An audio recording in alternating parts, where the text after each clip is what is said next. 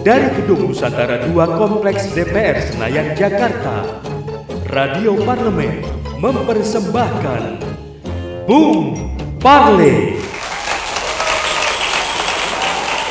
Aduh, ini sawah makin hari makin kararoneng. Sebentar lagi ini mah dipanen. Mantap. Hus, hus, hus, hus, hus. Sini, sini, sini, sini, sini masuk, sini masuk, sini masuk. Net, ini bebek main ke sini mulu.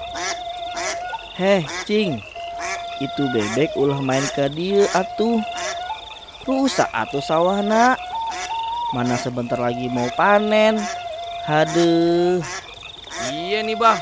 Padahal udah ayah arahin main ke sono. Eh, balik lagi main ke sawah. Ah, si encing mah kira-kira atuh bangun bebek teh masuk-masuk sawah orang. Nanti kalau gagal panen, kita semua ikut rugi.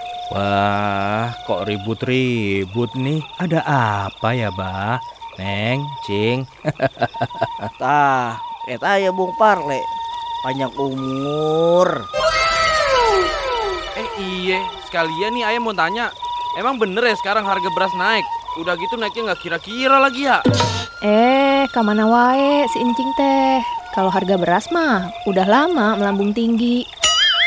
Nah, untuk itu DPR melalui Komisi 4 meminta Badan Pangan Nasional untuk meningkatkan sinerginya sekaligus berkoordinasi dengan Menteri Pertanian, BUMN bidang pangan supaya dapat menstabilkan pasokan dan harga beras. Hmm, gitunya artinya sebentar lagi harga beras teh sebentar lagi bakal turun gitu. Wah, rugi atuh si abah tuh untung banyak. Aduh, kumahanya. Wah, ente emang bener-bener ya, Bah. Yang dipikirin duit mulu.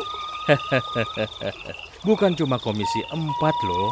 Komisi 6 melalui ketuanya Bapak Faisal Riza akan segera membentuk panitia kerja BUMN bermasalah dalam rangka membahas setiap persoalan dan kebutuhan untuk melakukan restrukturisasi supaya harga beras kembali normal. Oh, emang begitu ya? Iya, iya, iya. Ah, Neng mah ikut aja lah.